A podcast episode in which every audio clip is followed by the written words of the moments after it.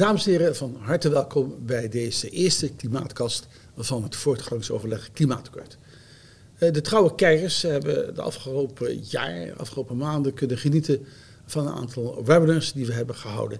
En in die webinars hebben we vooral gesproken over uh, problemen, uh, over de oplossingen die we tegenkomen bij de uitvoering van het klimaatakkoord.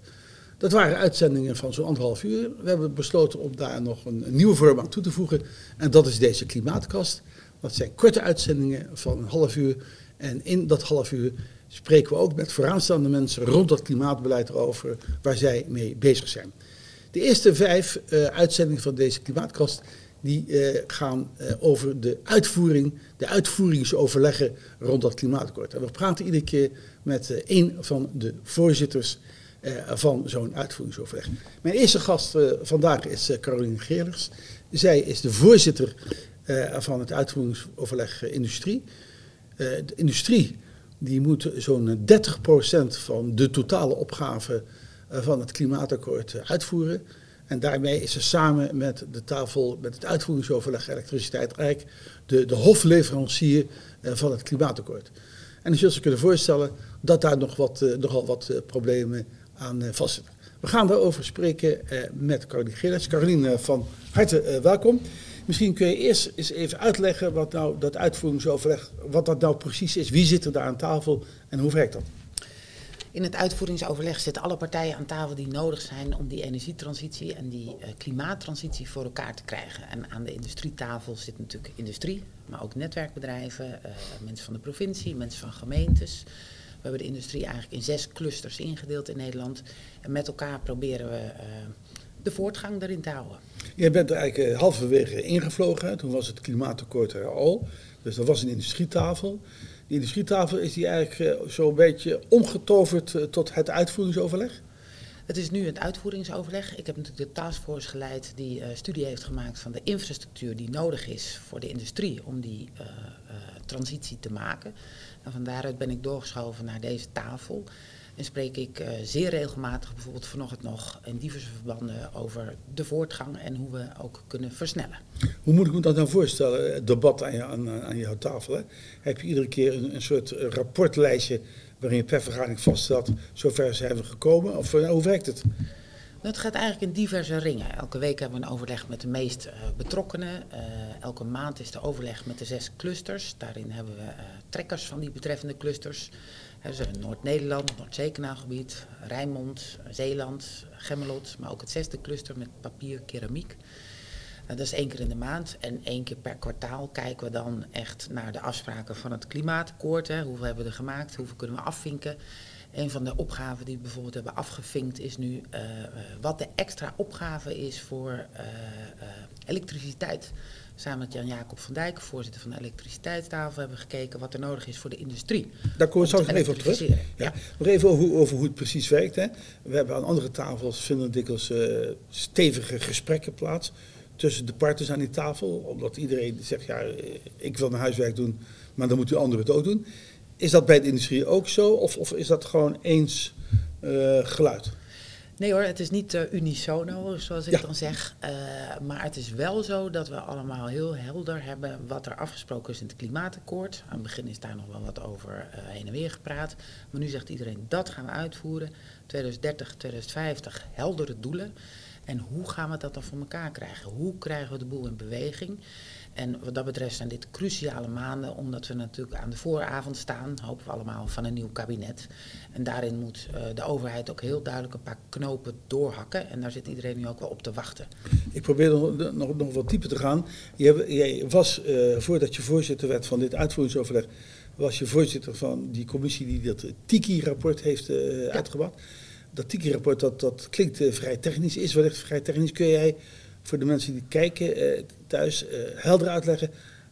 Wat stond er precies in dat TIKI-rapport en waarom is dat zo van, van zo'n groot belang voor de energietransitie? Ja, dat TIKI was dus dat uh, verhaal over die infrastructuur. In feite bestaat het rapport uit een paar kaarten. Uh, ten eerste zeggen wij, moet je een waterstofbackbone aanleggen om ook de industrie in staat te stellen, uh, niet meer op kolen, niet meer op gas, niet meer op olie, maar op waterstof uh, de fabrieken te laten draaien. En die waterstofbackbone kan heel makkelijk aangelegd worden in het aardgasnetwerk wat we al hebben. Vervolgens weten we allemaal. Dus even nog even alle duidelijkheid, voor de mensen die. Uh, overvallen we de mensen thuis met termen. Je zei waterstof backbone. Ja. Je bedoelt dus dat, eigenlijk dat het bestaande gasnetwerk, dat je het geschikt moet maken, zodat je ook daar waterstof in kunt transporteren. Precies. En als je daar je fabriek op laat draaien of als je waterstof als grondstof gebruikt, dan uh, levert het een reductie op van CO2-uitstoot. Ja, is, dat, is dat een kostbare operatie om dat geschikt te maken? Het veranderen van dat netwerk gaat nog wel, maar vervolgens moet je ook waterstof gaan maken. Daar heb je de industrie weer voor nodig, daar heb je ook weer elektriciteit voor nodig, dus de producenten. Dus het is eigenlijk een systeemverandering uh, waar we over praten, waarin iedereen elkaar nodig heeft. Oké, we hadden het over de waterstofbackbone, ja. het tweede deel van jouw advies. Elektriciteit, verzwaar het net. Uh, Iedereen uh, denkt dat stroom uit het stopcontact komt. Dat is ook nog steeds zo. Uh, maar we gaan ook steeds meer gebruiken. En als de industrie dat ook nog wil gebruiken, moet er gewoon meer bij. Dus meer wind op zee, meer grote stations om die energie te verdelen. Dus dat is het tweede deel van het advies. Het derde deel is die CO2 die nu zomaar in de lucht verdwijnt, kun je ook afvangen. CCS heet dat, Carbon Capture Storage. Dat kun je zoals we nu in Rotterdam gaan doen, via pijpleidingen naar de Noordzee brengen, daar opslaan en misschien het vervolgens weer als grondstof gebruiken, wat de Nu Dat is de toekomst. Nog even over dat tweede, het verzwaren van die elektriciteitsnetwerken. Uh, je hoort wel eens in de klas, ja, wat, wat, vreemd dat iedereen nu opeens praat over het verzwaren van het netwerk. We hadden dat toch van tevoren kunnen weten als je aan de slag gaat met zon en, en met wind op zee of op land dan komt er elektriciteit uit. Had je niet van tevoren moeten zorgen, wie dan ook, dat die netwerken zwaar genoeg zijn om die elektriciteit aan te kunnen? Het zijn natuurlijk stappen die je zet. En je gaat pas grote investeringen doen op het moment dat je weet dat er ook gebruikers voor zijn. Dat geldt bijvoorbeeld ook voor uh, waterstof. En uh, dat is ook het ingewikkelde aan het spel. Eigenlijk moet je daarin voor investeren en vervolgens kunnen er ook gebruikers zijn, zoals de industrie, die gaan betalen. Ik, ik, heb, jou, ik, ik heb jou wel eens horen zeggen, uh, toen, toen iemand zei van dat is het kip-ei-probleem, dat dat een verboden woord is bij jullie aan tafel. Zeker. En, maar, maar het is wel een kip-ei, want die netwerken zijn nodig om voor de industrie zekerheid te geven. Uh, maar de overheid wil zeker zijn dat als die netwerken er zijn, dat de industrie ze dan ook gebruikt. Maar daar zijn we vorig jaar met dat Tiki-rapport doorheen gebroken. We hebben gezegd, overheid, je zou dit moeten doen. Netwerkbeheerders, je zou dat moeten doen. Industrie, jullie hebben zoveel projecten, ga daar dan ook in investeren. En nu staan we wel aan de vooravond na een jaar voor die investeringsbeslissingen. En dat moet dus ieder op zijn uh, tafel doen. En wat mij uh, in goede moed brengt, is dat ik veel politieke partijen nu hoor die zeggen: laten we dat Tiki-rapport gewoon uitvoeren. Laten we investeren in die infrastructuur. Dat is goed voor de industrie, want dat zijn de slagaders. Maar bijvoorbeeld ook voor de gebouwde omgeving, die via de haarvaten daar vanaf kan tappen. Of voor uh, de mobiliteit. Hè. Er zijn al auto's die op waterstof rijden en bussen. Dus dat netwerk kun je sowieso heel goed gebruiken. Laten we daarin voor investeren. En dat soort beslissingen moeten nu genomen worden. Die knopen moeten doorgehakt. Ja. Het derde, eh, wat jij zei, was uh, het, het, afvangen of het opslaan van uh, CO2 ja. via leidingnetwerken. Hoe ver staan we op dit moment in ons land? In Rotterdam zijn we het verst. Daar is een investeringsbeslissing van zo'n 2 miljard genomen. technisch kan het, maar de uitvoering is ingewikkeld. Hè, omdat je dan ook met allerlei ruimtelijke procedures zit. Maar ik zie dat we daar nu voortgang maken. Dat komt ook omdat we nu uh, vanuit EZK een programma hebben dat heet PIDI, uh, de afkortingen bingo. Het programma Infrastructuur Duurzame Industrie. En daarin staan nu zo'n 17 projecten op de rol uh, die gewoon uitgevoerd kunnen worden. Dus we zijn klaar om te gaan uitvoeren. Dus als ik het eigenlijk, eigenlijk samenvat, je moet zorgen dat waterstof, dat leidingnetwerk daarvoor geschikt voor is. Ja. Je moet zorgen dat het elektriciteitsnetwerk wordt verzwaard. En je moet zorgen dat het CO2-netwerkleidingnetwerk uh, is. Dat zijn eigenlijk de drie principiële punten. Uh, je zegt van nou, dat moet straks terechtkomen in een rapport. Hè. Dan, dan, dan, zitten we op de derde dinsdag van uh, september. Maar het is nu uh, mei, of het is juni, Ja. begin juni. wat zou nu al besloten kunnen worden waarvan je zeker weet welk kabinet er ook komt, van welke samenstelling ook. Dat kun je gewoon doen. We noemen dat in deftig Engels of deftig Haags woord no regret maatregelen. Maatregelen waar je nooit spijt van hebt. Ja. Wat zijn jouw favoriete maatregelen waar je nooit spijt van gaat krijgen, welk kabinet er ook komt? Hè, wat mij betreft is dat regeerakkoord er eerder dan uh, de derde dinsdag in september. Ja. Ik ben vorige week ook bij de informateur geweest, uh, Mariette Hamer. En daarin heb ik ook heel duidelijk uh, een heel kort lijstje neergelegd. Begin met die infrastructuur. Nou, partijen als GasUnie, Tennet, uh, regionale deelnemingen kunnen investeren, maar er moet een klein beetje voor geïnvesteerd worden. Dat zegt Laura van Geest ook. 4 keer 500 miljoen en dan kun je beginnen. En wie, wie is Laura van Geest? Even. Dat is de mevrouw die dat rapport gemaakt heeft. Welk uh, rapport? Het rapport van Geest. Ja, hoe heet het officieel? Het, even, even, even voor de duidelijkheid, hè?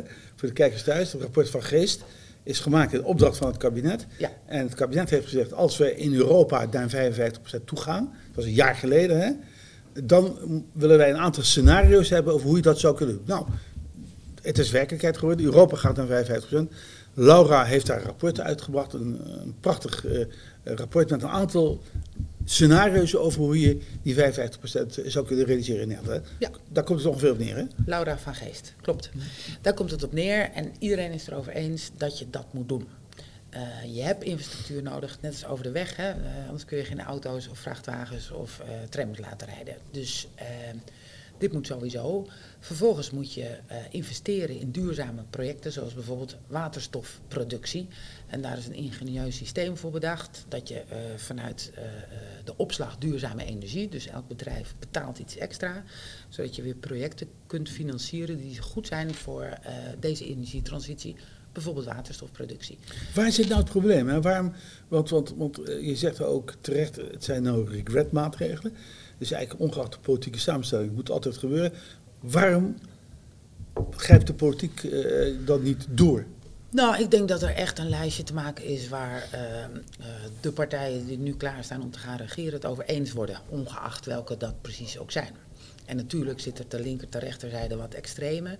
Maar ik denk dat je daar met een uh, basis van dit soort no regrets, uh, infrastructuur, investeren in duurzame uh, opwek, dat je daar altijd komt.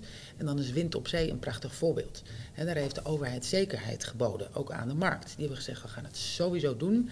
we zetten de tenders klaar, dat de beste maar mag winnen. En zo komen we snel tot meer wind op zee. En in feite uh, zou een volgende regering ook deze knoop kunnen doorhakken, zodat het daadwerkelijk gaat gebeuren.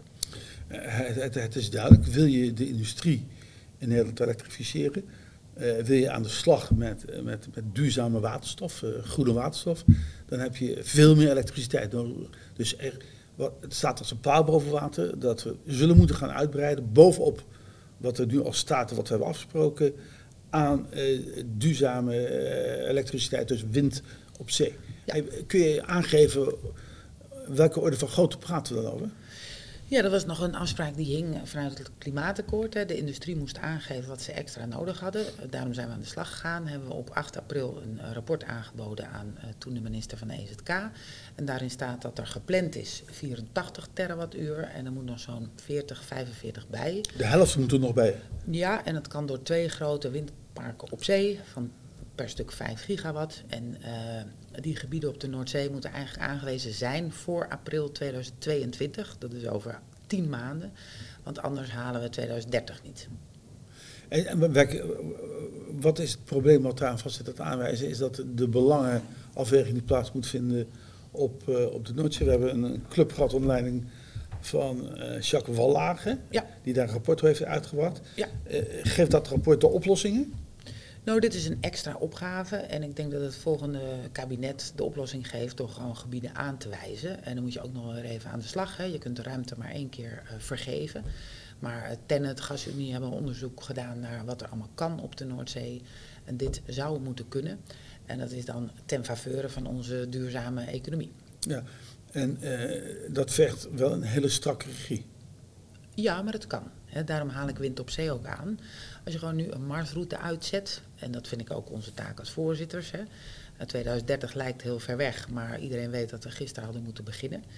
Uh, om die marsroute uit te zetten en dan ook nu heel duidelijk te zeggen van uh, beste mensen, april 22 moet dit aangewezen zijn, want anders verlies je alweer tijd en dat is niet nodig. Ja, het kabinet zal in, in september sowieso komen met een uitvloeisel van dat rapport van jou, het meerjarig investeringsschema. Ja. Het MIEK heet dat. Ja.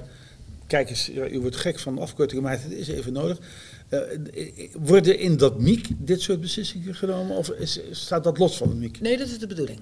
In het MIEK. He, je hebt voor de uh, wegen en spoorwegen en waterwegen heb je het MEERT, het meerjarig programma Infrastructuur, Ruimte en Transport. En er wordt eigenlijk voortdurend tien jaar naar voren gekeken, ook omdat het daar lang duurt om het aan te leggen. Nou, parallel daaraan hebben wij gezegd, maken we een meerjarenprogramma infrastructuur, energie en klimaat. En daarin kijken we uh, welke projecten nu snel kunnen renderen in termen van CO2-vermindering. En elk cluster dient projecten in. Dat wordt dan gewogen uh, in termen van kosteneffectiviteit, in termen van opbrengsten uh, van CO2-reductie. En zo komt er een lijst van uit te voeren projecten. En het bijzondere daaraan is dat deze projecten op den duur ook wel weer rendabel zijn. Ik vergelijk het als oud uh, PvdA Amsterdamse wethouder graag met de Noord-Zuidlijn. Daar hebben we eerst 3,1 miljard in gestopt. En per kaartje wordt dat nu weer terugverdiend over een periode van 30, 40 jaar. Omdat jij en ik met die metro reizen. Nou, zo is het ook met deze infrastructuur. Maar uh, het is natuurlijk wel zo dat je het eerst moet aanleggen voordat je het kunt gebruiken. En daar is dat MIEK voor. Uh, je kan zeggen, voor investeren en dan uh, met terugwerkende kracht gebruik te betalen. Dat, dat, dat soort investeringen wordt afgeschreven in 40 jaar, geloof ik, hè? Daar kun je een beetje mee spelen, maar 30 tot 50 jaar is gangbaar. Okay. En vaak ligt het er dan nog veel langer. Ja. Ons aardgasnetwerk kan ook veel langer mee. Je kunt geen kranten openslaan of er is weer een belangenclub die vraagt om, om vele miljarden. Hè? Dat is dikke subsidie wat je kwijt bent. Het gaat hier over investering, dus je bent het niet kwijt. Uh, je investeert en je betaalt de 40 jaar betaal je het. Dat, dat is toch uh, een terechte vergelijking, hè? Ja, het zijn investeringen. Ik noemde al de opslag uh, duurzame energie. Um, en zo doe je dat ook op andere manieren. Um, en een van de belangrijke dingen die we in Nederland hebben zijn staatsdeelnemingen. Bijvoorbeeld GasUnie is 100% van de staat, Tenant 100% van de staat. En dat betekent dat je die voorinvesteringen uh, met elkaar doet maar dat je het met elkaar ook weer terugverdient op den duur. Ja. net als dat bijvoorbeeld Schiphol een hele interessante deelneming is van diverse ja, maar Het geld is nog nooit zo goedkoop geweest, hè? Klopt. Ik bedoel, uh, de uh, geld ophalen, zeker omdat je zeker weet dat, dat je terugkrijgt, is in deze tijd is dat een piece of cake. Nee, dat is het probleem ook niet. Dus het geld is er, de plannen zijn er, er is een actieagenda, er is een afwegingskader. Dus ik zeg tegen het volgende kabinet, waar wachten we nog op? En de industrie staat klaar met plannen. Ja, uh, nog even over, over, over uh, de kosten. Hè? Uh, als je nu alles bij elkaar optelt, je hebt de waterstof, backbone, je hebt het netwerk, je hebt die voorinvesteringen, je moet de, de industrie helpen. Als je alles bij elkaar optelt, over welke bedragen hebben we dan per jaar? Nou, we hebben uitgerekend dat tot 2030 in dat netwerk, dus gas, elektriciteit, uh, zowel nationaal als regionaal, zo'n 50 tot 60 miljard geïnvesteerd moet worden. Dat is 5 tot 6 miljard per jaar. Dat is ongeveer een procent uh, van de begroting. Hè. Uh, en daar moet je dus iets optoppen om die voorinvestering te kunnen doen. En dat is die 4 keer 500 miljoen waar wij over spraken, waar Laura van Geest in haar rapport ook over spreekt. En dat is dus in deze barre coronatijden wel te overzien. Ja, jij zei ook van, uh, nou, in, in dat, straks in die plannen, de derde dinsdag, in dat MIEK wordt het allemaal geregeld. Zijn er ook nog heel veel juridische belemmeringen? De Noordzee is een soort beleid wordt er nu gemaakt, maar zijn er nog grote juridische belemmeringen om deze plannen, om die snel uit te rollen? Nou, wat er sowieso moet gebeuren is dat er iemand wordt aangewezen als uh, verantwoordelijke voor bijvoorbeeld dat waterstofnetwerk, dat is de gasunie. Uh, uh, zowel gasunie als Tennet moeten wettelijk en juridisch in staat gesteld worden om ook dit soort voorinvesteringen te doen. nu moet er 100% garantie zijn. Nou, sowieso heb je dat niet vaak in het leven. Maar nu moet er toch op een iets strategische manier voor geïnvesteerd worden. En vervolgens moet je dat MIEK ook wettelijk verankeren, omdat partijen natuurlijk hun productieprocessen daar ook op gaan inrichten. En stel je voor dat in uh, de Rijnmond raffinaderijen zeggen, nou we gaan over op elektriciteit of op waterstof. En we richten onze fabrieken in op 2030, hè, dus dat het er dan ligt. Dan moeten ze daar wel van op aan kunnen, want anders valt de boel stil. dus zo moet je elkaar wederzijds houden aan de afspraken. En dat is in een systeem ook heel logisch. we maken met elkaar afspraken. In 2019 bijvoorbeeld met dat klimaatakkoord, gebaseerd op Parijs. Nou, dan kun je het hebben over het hoe en over het tempo. Maar je moet elkaar wel aan die afspraken houden. Eh, maar dat, want dat moet dus allemaal, de wet moet dus worden aangepast. Je moet, op een aantal uh, fronten. Daarop door en je moet. Uh, uh, nou ja, je kan, je kan dit parallel laten doen. Je hoeft daar niet op te wachten. En wij zeggen ook, begin nu, want dit zijn dingen waar iedereen het over eens is. Maar bijvoorbeeld het aanwijzen van GasUnie als beheerder van het waterstofnetwerk lijkt heel logisch. Dus het lijkt me ook heel logisch dat dat in een volgend kabinet gewoon uh, gebeurt. Nou weten wij allebei dat uh, dingen moeten worden voorbereid, want de minister gaat het allemaal niet zelf verzinnen. Heb jij de indruk dat al die stappen die nu nodig zijn, dat die zo worden voorbereid dat de dag dat de minister, de nieuwe minister zijn bureau binnenstapt, zijn kantoor binnenstapt, hij eigenlijk alleen nog maar een aantal besluiten hoeft te tekenen? Vergelijk met Amerika, waarin bij de komst van Biden lagen er 30 besluiten klaar die hij binnen eh, een half uur had ondertekend. Ja, fenomenaal was dat. Gaat dat hier ook, kan dat hier ook in Nederland, in theorie? Nou, ik vind dat we heel goed op weg zijn. Uh, hè, er zitten natuurlijk altijd belangentegenstellingen, maar ik zie bijvoorbeeld in die koplopers uh, overleggen, in de clusters, zie ik dat partijen het heel erg eens zijn over de weg waarlangs we nu uh, actie moeten ondernemen.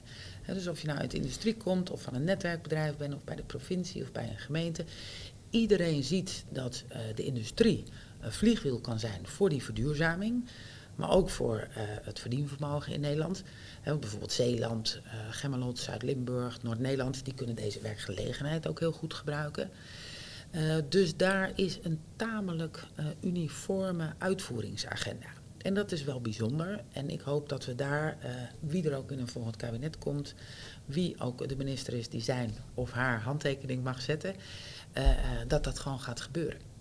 We hebben het nu gehad over alle plannen die er zijn rond de industrie, hoe het gaat. En dat ziet dus, uh, zoals jij vertelt, ziet er allemaal goed uit. Nu gaan we uh, een paar problemen gaan we met elkaar bespreken. We beginnen met het, uh, de, de, de, het grootste discussiepunt van vorige week. Het vonnis van de Haagse rechtbank rond, rond Shell. eigenlijk van tevoren gaf niemand een cent voor de kansen van milieudefensie. Dat was over destijds met Urgenda ook zo. En de rechter heeft toch uh, een heel helder vonnis uh, gewezen. Wat was jouw eerste reactie toen je hoorde dat uh, dit vonnis er was? Dat is buitengewoon opmerkelijke en interessante uitspraak. je kunt daar diverse lagen in zien. juridisch gezien is het interessant. Ik ben geen jurist, daar ga ik dan ook maar niet op in. Economisch, wat betekent het voor de positie van Nederland? Nederlandse bedrijven, Nederlandse industrieën. Nederlandse werkgelegenheid. Maar het meest boeiende vond ik natuurlijk de klimaataspecten. Wat betekent dit nou precies? En als je het vonnis goed leest, ik ga dit dit weekend nog een keertje doen, dan zie je dat de rechter zegt tegen Shell, voer de plannen uit die je hebt. En dat waren intenties, maar wij maken daar nu eigenlijk een bevel van. En daar kun je dus heel verschillend over denken. Maar wat ik in ieder geval zie als voorzitter van de uitvoeringstafel industrie, is dat we een doel hadden, 2050. Dat uh, is geen ander doel dan dat de rechter nu stelt. We hadden afspraken, 2019. En uh, je kunt dit in die zin ook ervaren als uh, wind in de zeilen. Nou, waarbij je wel scherp aan de wind moet varen. Ja, want, want uiteindelijk, over, het gaat uitsluitend eigenlijk over tempo. Hoor. Over de doelstelling zijn we het met elkaar eens. 2050, het gaat nu over het, het tempo. Dan nog even over die uh, die, wat, uh, Shell Nederland heeft bijvoorbeeld ook het klimaatakkoord ondertekend. Ja. Daar staat zelfs 49% reductie in. Ja. Dus ja, er wordt een grote tegenstelling gecreëerd, maar eigenlijk valt dat wel mee. Uh, de discussie die wel volgde, wat is die 45%? Wordt dat nou ook de norm voor de rest van de industrie? Wat, wat, wat nee, je zegt een paar belangrijke dingen eigenlijk. Hè. Het eerste is, zegt, wat je zegt is, er wordt een tegenstelling gecreëerd. en ik denk dat we dat inderdaad moeten voorkomen. Wij hebben die afspraken gemaakt, we hebben hetzelfde doel en we hebben elkaar nodig. En dat is dan een tweede punt. Shell wordt hier aangesproken, maar Shell is onderdeel van het systeem. Hè, het systeem van uh, onze energievoorziening. En we moeten dus in dat systeem veranderen. En we kunnen dus niet tegen één partij zeggen: jij moet veranderen en wij doen lekker uh, wat we altijd al deden. En daarom benadruk ik ook in het eerste gedeelte zo die rol van de overheid en van de netwerkbedrijven. Ik kan het ook doen voor andere uh, industrieën. We moeten met elkaar veranderen. Want Shell kan niet in zijn Nee, maar, maar, maar dat, dat, dat, is natuurlijk zo. Shell heeft aan de conditie nodig. Maar uh, Shell is veroordeeld. En, en de vraag is even of die 45% gaat die nu een soort zelfstandig leven leiden. Dan wordt dat ook de norm. Want dat is de vrees natuurlijk bij de industrie, ook begrijpelijk. Ja, wordt dat een beetje de norm in de rest van Nederland? Ja, dat weet niemand, ook ik niet. Uh, Shell is niet veroordeeld. Er is een bevel Vol, van de ja. rechter. Hè, van tot er misschien een hoger beroep een andere uitspraak is, moet je voldoen aan uh, uh, deze intenties. die ze op zich al hadden uitgesproken. Shell heeft ook een hoop plannen klaar liggen, net als andere industrieën. En ik denk en hoop dat dit motiveert, wind in de zeilen, om snel op die doelstellingen af te gaan. Ja, het valt dus eigenlijk allemaal best mee als ik jouw woorden mag samenvatten. Nou nee, ik denk dat het een hele opmerkelijke uitspraak is, maar ik denk dat we nu niet moeten uh, uh, denken in tegenstellingen. We hebben allemaal hetzelfde belang en dat is die klimaat. Uh, Dan kom ik even van Shell, even, want wij zitten hier niet om, om, om Shell te discussiëren, maar even over Europa. Daar hebben we wel mee te maken. Europa gaat naar 55 procent toe. Ja. per 1 juli maakt de commissie bekend hoe zij die 55 procent gaan verdelen over al die sectoren. De zware industrie in Nederland valt onder dat Europese handelssysteem. Kun je nog eens even kort voor de mensen thuis uitleggen, wat betekent zo'n handelssysteem nou, uh, wat Europa heeft georganiseerd? Nou ja, dat is het ETS en daar uh, van European Trading System. En daar vallen de bedrijven in Nederland onder die veel CO2 uitstoten. En er is een soort van koolstofbudget. Hè, wat kan je met elkaar uitstoten en, en wat is te veel? En wat moet dus gecompenseerd worden? Nou, in dat handelssysteem uh, gaat het daarover. En uh, Europa is heel belangrijk als het gaat over die afspraken van die doelen. Maar Europa is ook belangrijk als het gaat over het mogelijk maken van die transitie. En uh, daarin dreigt Nederland ook wel een beetje de Europese bus te missen. Als je kijkt wat Duitsland doet met miljarden investeringen, als je kijkt wat Frankrijk doet met. Voor waterstof met name?